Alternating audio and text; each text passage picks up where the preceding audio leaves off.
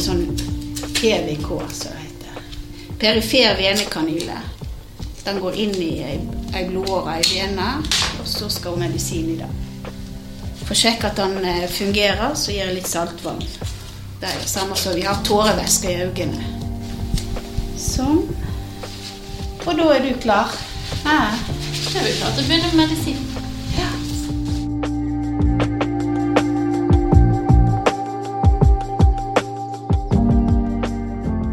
Hver fjerde uke er jeg på Haukeland for å få livsnødvendige medisiner, samtidig som jeg er toppleder. Jeg heter Hilda Bjørte Lygre, og jeg brenner for at folk skal få jobbe og skape seg gode hverdager.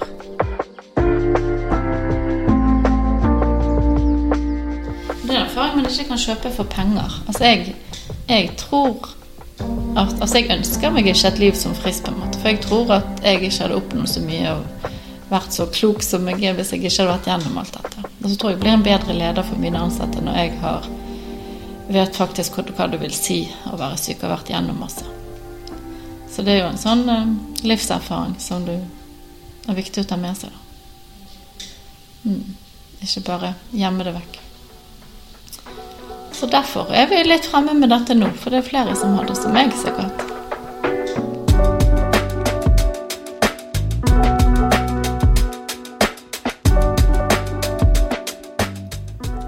Elsker å jobbe. Lederjobben min i IT-selskapet Noria, det er en stor del av min identitet. For eksempel så jobber jeg jo nesten alltid i romjulen, og jeg svarer på mail med en gang. Men jeg er òg veldig god på å ha det gøy på jobb, og jeg har funnet min metode for å ha en god arbeidshverdag. Det er viktig for meg å ha en god work-life balance, og hvis jeg har tid til det, så kan jeg gjerne ta en facial midt på dagen.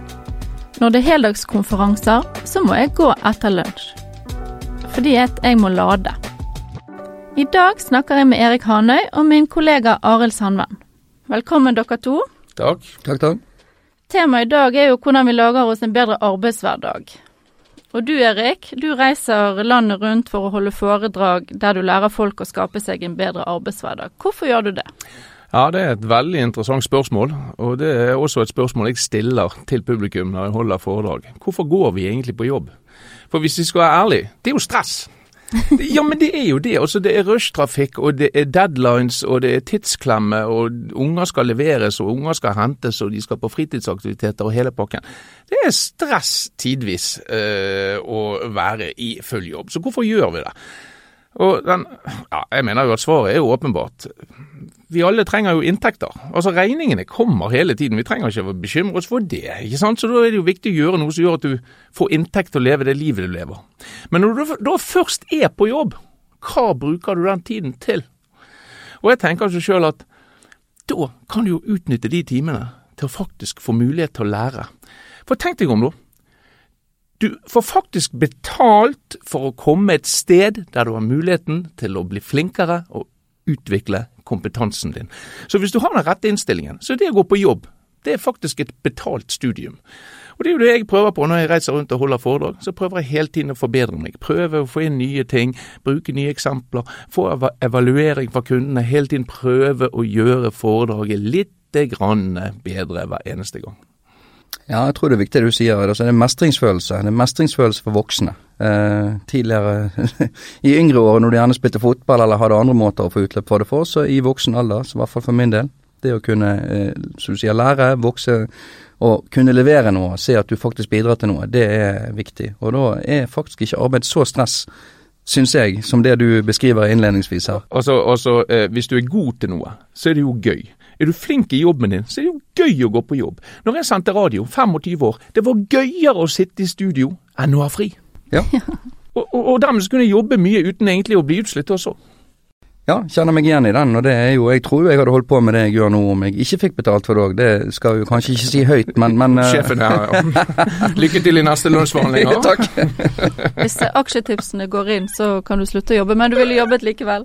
Ja, jeg, med, det, med det jeg holder på med, det hadde jeg holdt på med i en eller annen kapasitet uansett. Og det er jo, tenker ofte når jeg er utrolig heldig som får lov til det. For jeg har jo hatt masse forskjellige jobber opp igjennom, og det er jo ikke alle som har fylt meg med samme glede når jeg våkner om morgenen. Det skal jo sant sies. Så, um, men, men jeg tror jeg har funnet min hylle i livet. Men, men, for å få den mestringsfølelsen som er så viktig og som gjør at det er gøyere å gå på jobb, så krever jo det innsats. ikke sant? Man kan ikke bare gå på jobb og yte sånn noenlunde. Altså Man er nødt til å presse seg sjøl. For det er veldig fort gjort å bare nøye seg med å gjøre jobben godt nok. Akkurat så bra at sjefen, at du Hilda, ikke kan gå og si til Arild hva du holder på med her. Nei, jeg har gjort det, jeg har levert inn rapporten, jeg har gjort det jeg skulle. Altså å gjøre det akkurat sånn at du slipper unna. Og Det er dessverre litt for utbredt.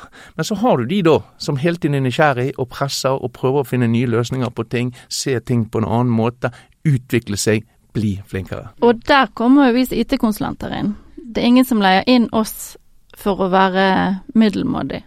Nei, og så er det noe med, med evalueringen, som du sier. Sant? Hvis du jakter evaluering av andre, så er denne, da er den frykten for å feile ligger der hele tiden. Eh, hvis du evaluerer deg sjøl og konkurrerer med deg sjøl, har jeg gjort noe som er bedre enn det jeg kunne forvente, så er du på et helt annet nivå igjen. Og det er, jeg, det er den jeg vil egentlig vil oppfordre til. Altså, konkurrere litt med deg sjøl. Eh, Får du, får du, til det du har satt deg som mål, så kan du være fornøyd med deg sjøl, uansett om du har fått denne klappen på skulderen eller ikke. For vi er litt sånn, vi er litt, vi er litt glad i å få denne uttrykte 'tusen takk'. Ja, men klarer man å måle seg sjøl? Eh, jeg sier jo i foredraget mitt at hvis du er like flink i jobben i år som du var i fjor, så har du blitt dårligere. For utviklingen skjer hele tiden. Dere jobber med software-løsninger for næringslivet. Inflasjon spiser deg opp? Ja, altså du kan si altså herregud, se på PC-en min, da. Det kommer jo oppdateringer hele tiden. Hver gang jeg slår den på, en ny update. sant? Altså Det samme skjer jo hele tiden. Det er som et sykkelfelt. Feltet står ikke stille hvis du stopper for å ta deg en pause. Det går videre. Mm. Og vet, klarer man sjøl å se om man stagnerer eller om man faktisk utvikler seg, det er jeg ikke alltid så sikker på. Men vi er opptatt av at vi skal drive med kompetanseheving, og hos oss er det folk som kan ulike fag, men òg samme formen at vi må hjelpe hverandre og dele på den kompetansen vi har. da. Klart det, men jeg tror, jeg tror vi er heldige i vår bransje, for der er det endring hele veien, som du sier. Altså det er når nå skal jeg moderere litt. Det bør være endring hele veien. Eh, og hvis du er levende opptatt av faget og det du holder på med, så er det naturlig å, å henge med i tiden. Men, men eh, jeg tror nok eh, jeg tror nok dette med endringsvilje er noe som varierer veldig fra sted til sted. Men, men så Eila sier, det er der vi prøver å komme inn, eh, hjelpe, eh, se hva, hva, er det vi gjør her, hva er det vi gjør annerledes hva kan vi gjøre for å gjøre ting mer effektivt eh, fremover? Og da må vi henge med i tiden. Ja, altså Det eneste som er konstant, det er endring. Jeg holder jo foredrag for veldig mange forskjellige bedrifter og bransjer. Omtrent alltid hører jeg hos oss er det spesielt mye endringer nå for tiden. Og det tviler jeg ikke på at det er mye endringer, men det er ikke spesielt hos dere. Det er overalt. Ja. Men Arild, du er jo IT-konsulent hos meg. Hva er en god arbeidshverdag for deg? Eh, en god arbeidshverdag er en arbeidshverdag der jeg én vet eh, hva, eh, skal vi si, hva jeg har lov til å gjøre, hva handlingsrom jeg har, eh, hvordan eh, jeg vet, jeg, jeg vet, hvordan jeg skal gjøre det, eh, men da må jeg få tid og rom og plass til å kunne få gjøre ting på min måte. Jeg er opptatt av kvalitet i det jeg holder på med. Det, det setter jeg veldig, veldig høyt. Hvis du da hele tiden skal jobbe på stramme tidsfrister deadlines. og deadlines, og det skal leveres uansett, eh, så sliter jeg med, med, med, å henge med. For det, det, det strider litt mot mine, mine, arbeidsprinsipper. Så jeg må, litt, jeg må, ha litt, handlingsrom, rett og slett. Og jeg, eh, Det som gjør meg en god arbeidshverdag, da. Jeg liker å ease into the morning. Jeg må ha litt rolig start på dagen. Gjerne en kopp kaffe på sengen og begynner å lese mailene mine. Jeg har mobilen min slått av fra 23 til 06.48. Og så begynner jeg dagen litt sånn rolig. Hvis det blir sånn full fart, så syns ikke jeg at jeg får nok ut av dagene mine, da. Jeg liker å begynne rolig, få overblikk, hva jeg møter i dag, hvem skal jeg treffe, og begynne å forberede meg mentalt på alt dette, da. Så elsker jeg å snakke med mine ansatte, selvfølgelig, og kunder. Det er jo det som er det kjekkeste jeg vet. Ja, men altså, jeg hørte en gang på Petter Stordalen, og eh, han sa det at han han var ikke interessert i å ansatte som jobbet 10-12 timer døgn og sto på og herjet og kavde, og inn på lørdager og inn på søndager.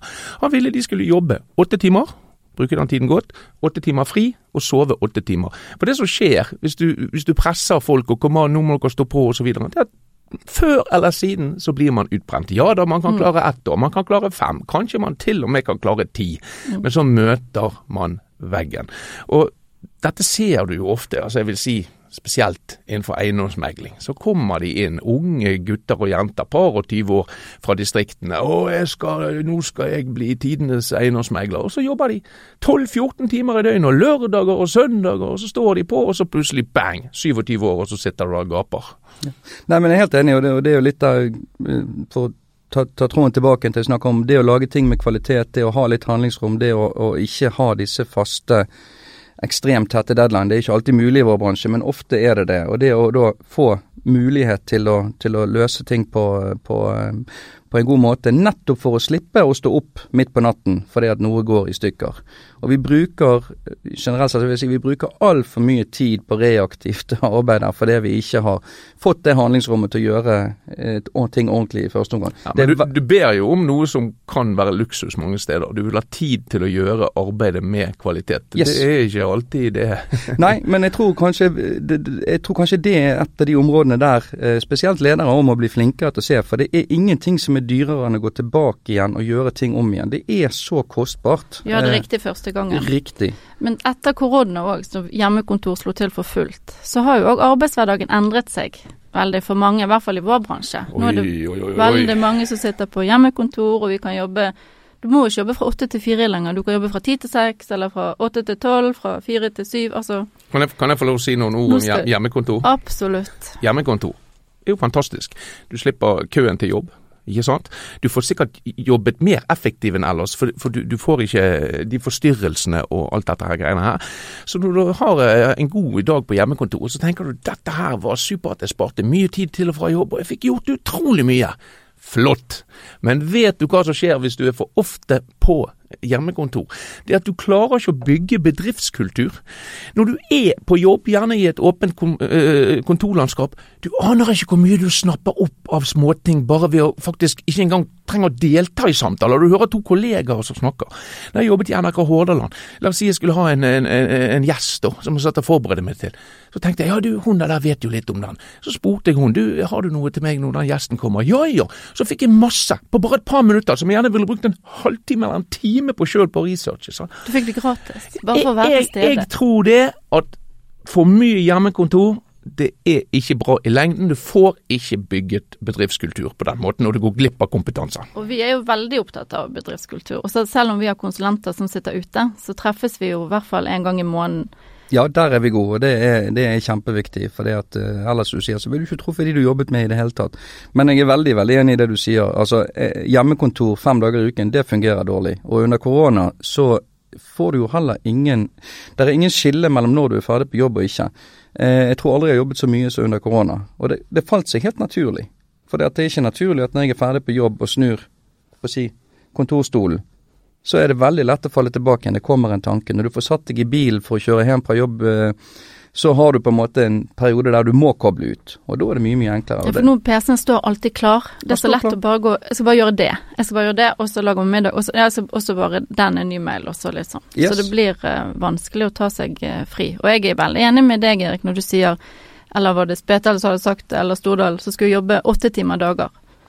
Og vi må vi er veldig opptatt av at vi skal yte, og så nyte, men vi kan ikke bare yte og yte og yte i lengden. Jeg er veldig opptatt av at dere skal ta ferie, så nå må du ta deg fri, og vi kan ikke Det er forferdelig hvis noen må møte veggen, da. Ja, og så er det jo en annen ting òg, at du får eh, valget når man skal jobbe. Så du kan jobbe når du er på topp, og det er kanskje noe av det fineste med det.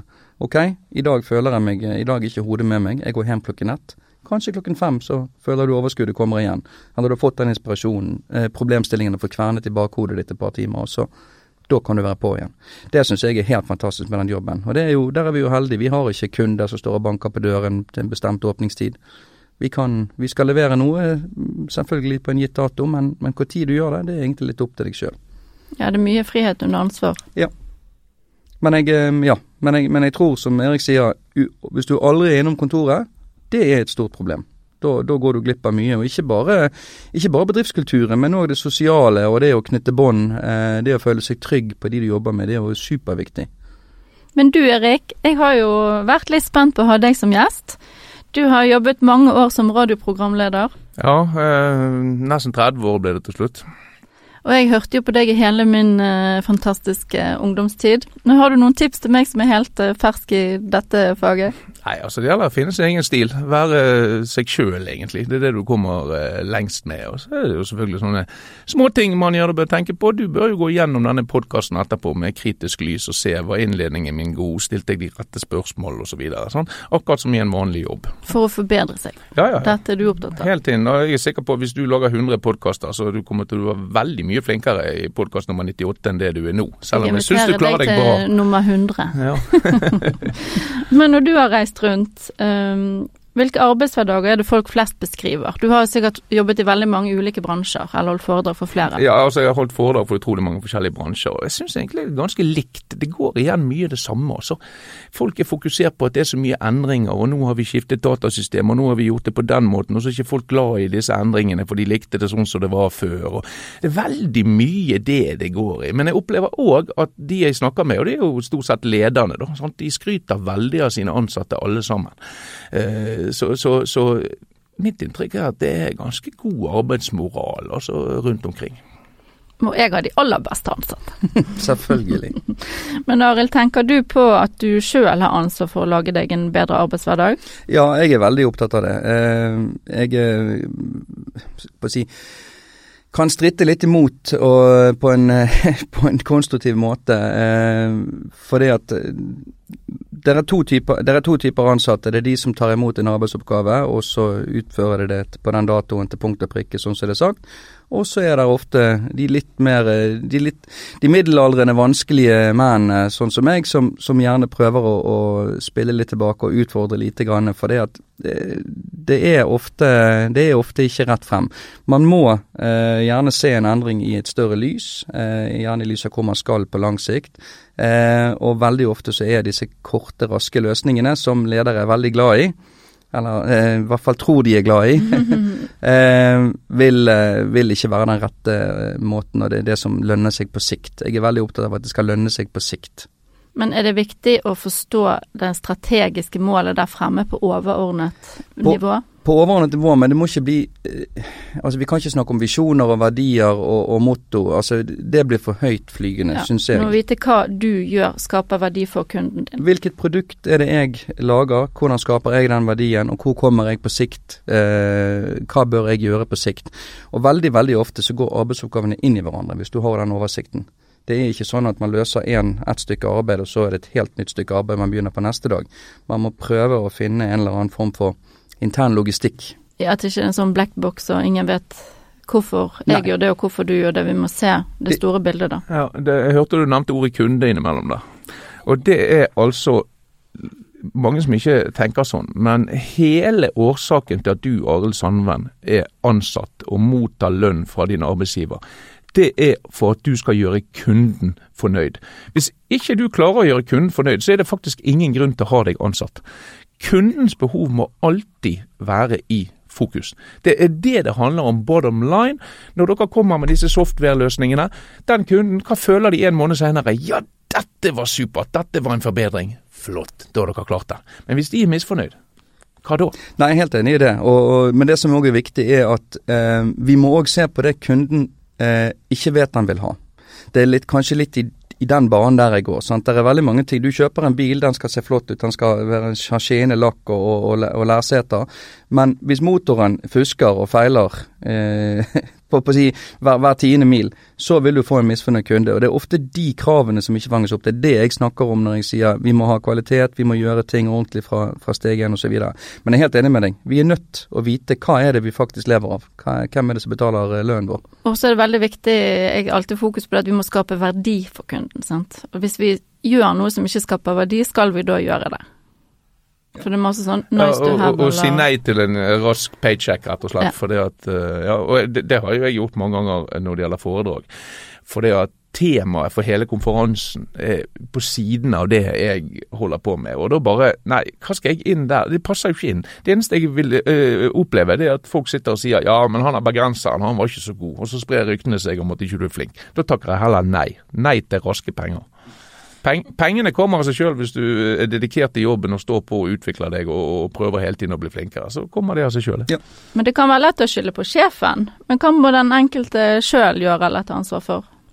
Nei, eh, det er jo akkurat som jeg sier. Du må, du, må, eh, du må, være klar over hva din rolle er både på, kort sikt, men òg på lang sikt. Jeg tenker det at du har en større jobb enn å bare tilfredsstille det kravet som ligger til neste fredag. Eh, vi, er, vi, er, ikke gode nok, syns jeg, til å ha eh, tre og fire måneders og seks måneders perspektiv på det vi gjør ofte. Altså, Hvis du nå er inne på motivasjon, så jeg snakker jo med massevis av folk, og jeg hører så ofte Nei, ledelsen klarer ikke å motivere oss. Så sier jeg ledelsen? Ledelsens jobb å motivere. Det er jo din jobb. Det er jo du som må sørge for motivasjonen. Det er du som må forstå alle fordeler du får hvis du gjør en god jobb, hvis du utvikler deg, hvis du øker kompetansen. Så altså noen, noen, som noen ganger har prøvd å true en til å slutte å røyke eller snuse. Det, det skjer ikke det. Da, da, da, da, gjør de det i smug, og de bruker alle mulige triks. Skal du slutte med sånne uvaner, så, så må motivasjonen komme fra deg sjøl. Akkurat det samme gjelder i jobb. Helt enig. Det er, det er indre motivasjon. Men så er det òg kanskje det å, å, skape de rammene og den tryggheten som skal til for å føle at folk føler at de har kontroll på sin egen arbeidshverdag. Det er kanskje det som er nøkkel fra, fra ledelsesperspektiv. Forstå hvor vi skal på sikt, eh, ikke uten å bli altfor høyt flygende. Og så gi den friheten til å la de ansatte. For, for det er de ansatte som er ekspertene. Det er jo en grunn til at du har ansatt de. Hvis, hvis alt du trengte var å tegne et mål på en powerpoint, og så sender det ut som ferdig, ferdig, produkt, ja da hadde ikke vi trengt ansatte. Du har spart masse penger. Ja, jeg tenker jo at den bransjen dere driver med, eh, dere har jo ingen fordeler fra naturens side. Det er ikke en fjord dere har lakseoppdrett i, det er ikke en gruve, det er ikke et fossefall. Skal du grunnskatte oss nå? ja, nei, men hvem som helst kan jo konkurrere mot dere, uansett hvor som helst i verden de er. ikke sant? Så selve verdien deres, det er jo kompetansen til de ansatte. Absolutt, og vi er jo et kompetansehus uh, som alle ansatte hos oss har en kompetanse både innenfor IT og uh, forretningsmessig. Vi jobber kun innenfor bank, finans og forsikring. Og det er jo for at våre kunder skal få en mer verdi av det vi kan levere. Vi leverer ikke bare en utvikler, men en utvikler med forretningskompetanse på det du holder på med.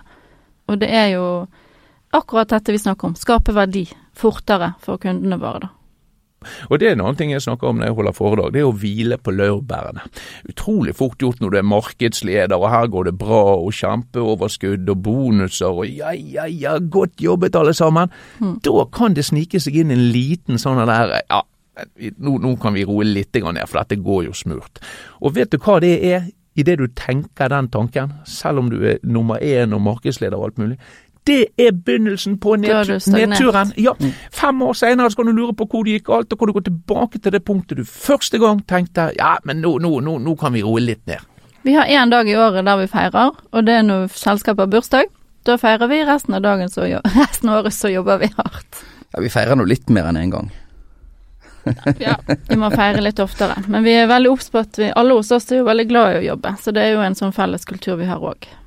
Ja, og det som sier, kommer jo litt inn på det som du sier. Det, det har med å, se verdien av det du gjør, og at du, du, hele tiden utvikler deg. Og vi er jo heldige som får lov å være flere steder, få flere impulser. Eh, ja. Og, og, glede seg til å gå på jobb, det er en veldig viktig faktor for å ha et lykkelig liv. Ja. Du har helse, du har uh, familien og de rundt deg og alt dette her. Og så det å glede seg til å gå på jobb, det er helt Og det har jo jeg gjort i 30 år. Altså, jeg gledet meg jo til å gå i radiostudio. Altså, det var jo, Og jeg gleder meg til å holde foredrag, og jeg gleder meg til å være speaker og kommentere fotballkamper. Og det, det, det, det er viktig at hvis du gruer deg til å gå på jobb, hvis du, hvis du lengter etter fredag ettermiddag den er tung. Da må du tung. kanskje finne på noe annet å gjøre. Den er tung. Men apropos helse, som du sa da. Ja. Jeg nevnte, jeg har jo MS. Mm -hmm. I stedet for å takke ja til en uføretrygd, så har jeg nå endt opp med å bli toppleder. Fantastisk. Og jeg er veldig opptatt av å ansette folk og prøve å gi folk en sjanse, sånn at vi skal få bruke den kapasiteten de har til å kunne jobbe, altså såkalt restarbeidsevne. Um, har du møtt noen andre som tenker sånn, eller har du hørt om noen som er delvis uføre eller som jobber redusert? Ja, altså jeg har møtt folk som mm. uh, delvis uføre og jobber redusert. Men min, mitt inntrykk er jo at jo lengre opp i hierarkiet du kommer i en bedrift, jo færre er det av de. Mm. Og Nå skal jeg ikke si det 100% men jeg tror Hilde at du er den første topplederen jeg har møtt. Og jeg har møtt hundrevis gjennom min uh, foredragskarriere. Jeg tror du er den første jeg har møtt som, som, som har da øh, Jeg vet ikke om det er lov å kalle det for et handikap, eller hva, hva, det er. Det er i hvert fall ikke en uh, fordel. nei, nei, nei. Sånn, så det er for lite av det, rett og slett. Og det var når jeg da ble syk den gangen for eh, 19 år siden, så eh, var det ingen Jeg var jo veldig opptatt av karriere. Jeg hadde tatt meg to bachelorgrader i IT og finans og skulle jobbe og jobbe. Og så ble jeg syk, jeg var bare 28. Og det var ingen andre jeg så var syke. Bare shit, nå er mitt liv over. Studielånet forsvinner jo ikke, og hva skal jeg gjøre nå?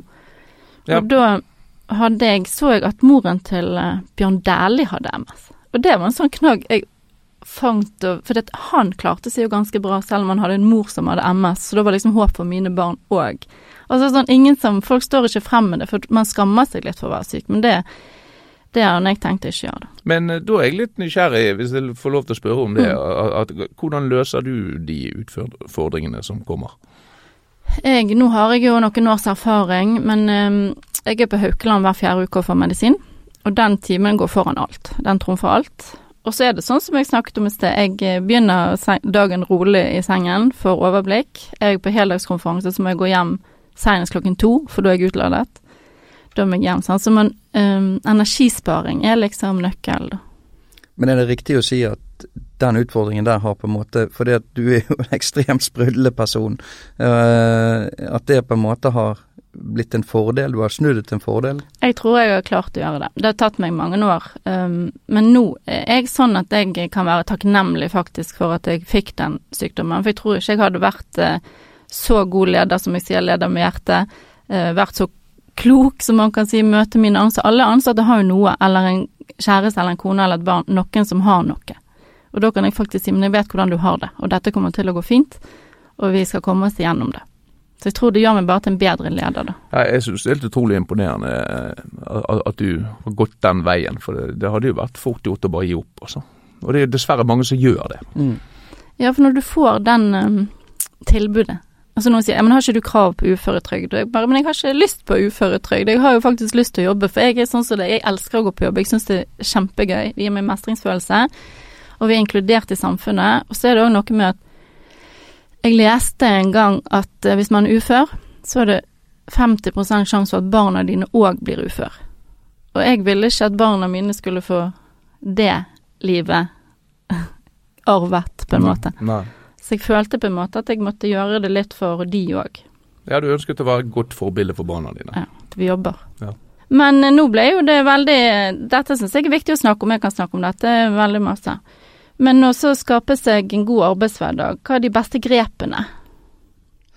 Nei, jeg eh, må jo si vi hadde jo deg, Erik, inne på hos eh, Tieto Evry eh, for å ha den. Og eh, jeg likte veldig godt den foredragsrekken din når du snakket om handlingsrom. Jeg nevnte det jo så vidt i sted her òg, og, og, og det er eh, Det var ikke en øyeåpner, det var mer en sånn bekreftelse på at yes, dette har jeg på en måte eh, Ja. Dette er kanskje en del av nøkkelen for at jeg føler i hvert fall jeg mestrer jobben min så godt som jeg gjør. Ja, altså Du sitter altså han inne på handlingsrom, og det, det som fort kan skje, og det er sikkert noe veldig mange av de som hører på denne podkasten har opplevd også, det blir tatt en beslutning et annet sted enn der du er. Ikke sant? På hovedkontor i, Stockholm eller København eller Oslo eller hvem vet. ikke sant? Du er helt uenig i den beslutningen. Det er det dummeste du noensinne har hørt, og dette kommer til å gå galt. Og det kommer til å hende du har rett i det du sier, men det nytter ikke å sitte på pulten sin og surmule i uke etter uke og måned etter måned. Hva var det jeg sa, vi skulle aldri tatt denne beslutningen i fjor sommer, hva sa jeg, nå går det galt. Altså,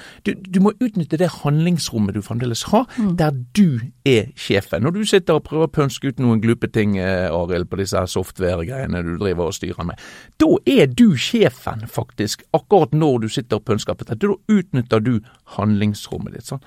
Men hvor langt hadde du kommet hvis du satt der og tenkte at nei, vet du hva, Hilda ba meg jo ikke, ikke gå den veien, altså, det, altså nå kan jeg ikke det, og nå er hele denne jobben bare meningsløs. Ja? Ja da, og det, det er jo som du sier, det er jo veldig mange måter, forskjellige måter å angripe det på. Jeg hadde jo en, eh, jeg hadde en eh, bekjent som som også jobbet i, i softwarebransjen, som fortalte om at de satt og eh, forventet at de skulle levere arbeid inn hvert 20. minutt.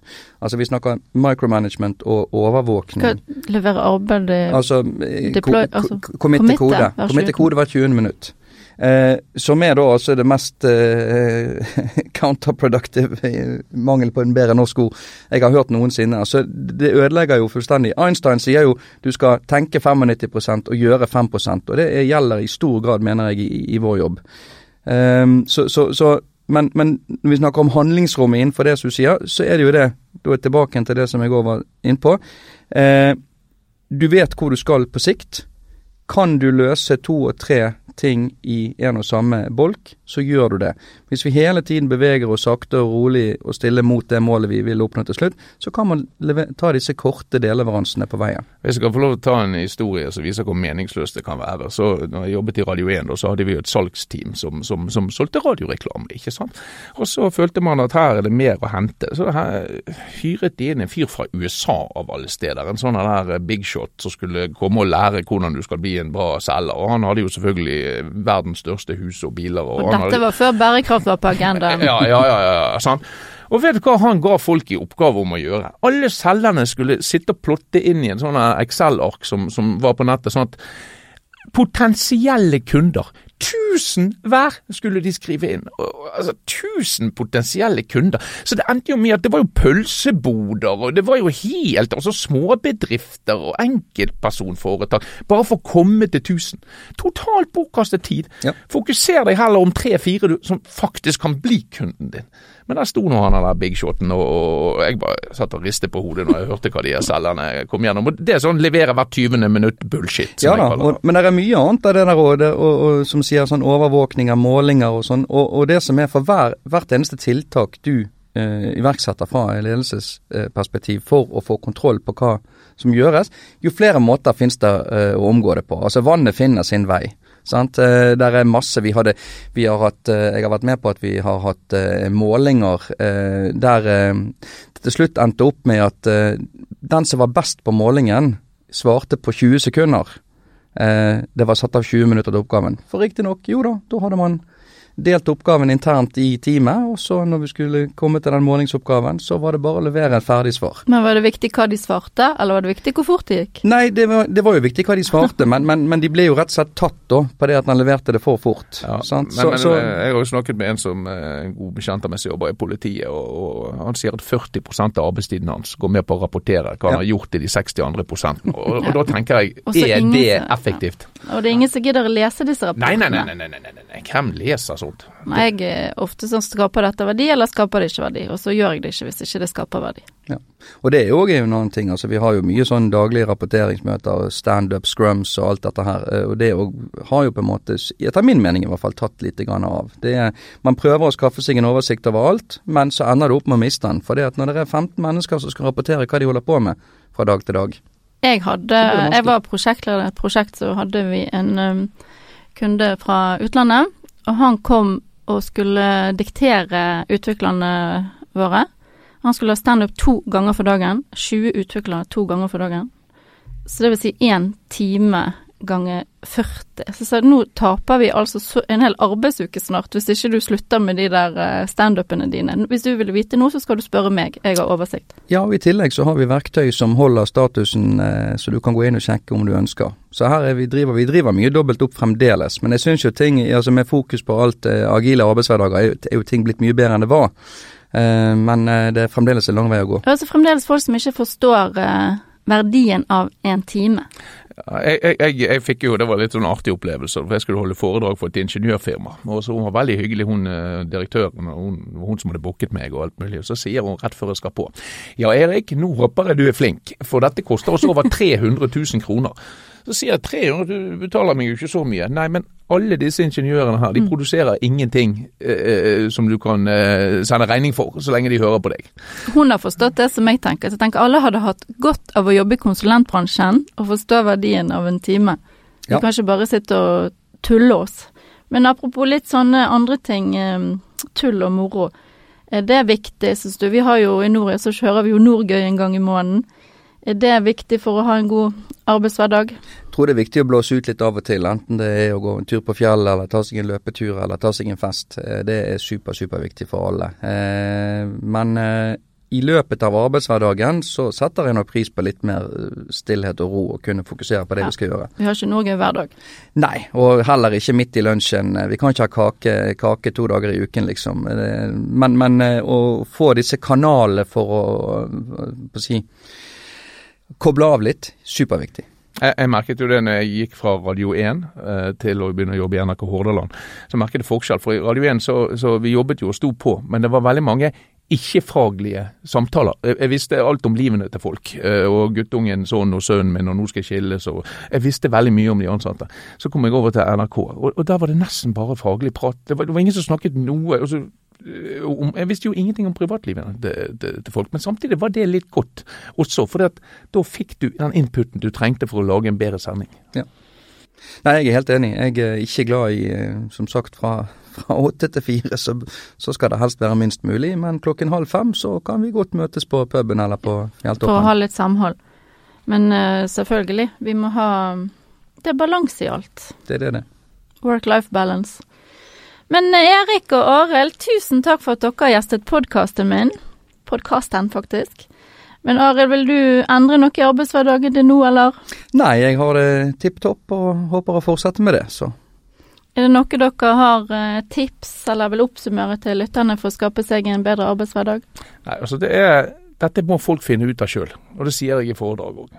Du må finne ut av det sjøl, men det må gjøres på de premissene at du ønsker å levere, du ønsker å gjøre ditt beste, du ønsker å øke kompetansen din, og så må du finne ut sjøl.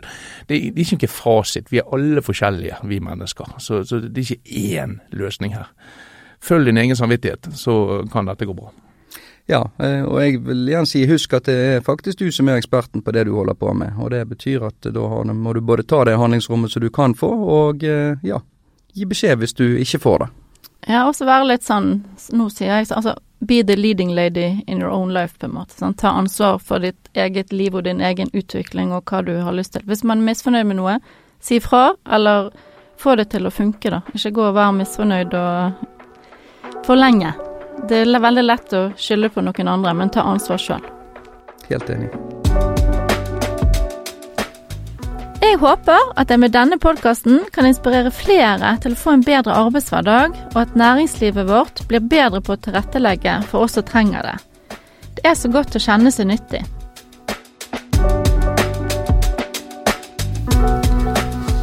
Men jeg tenker jo alltid litt langt, da. Jeg er ikke en sånn som bare tenker kortsiktig. Så valgene jeg tar gjør fordi at jeg skal ha det ikke nødvendigvis bedre i morgen, men på lang sikt blir det et bedre liv totalt sett for alle hvis jeg står på. Det hadde vært mye lettere å bare legge seg ned. Tror jeg ofte. Men konsekvensene blir så store, da.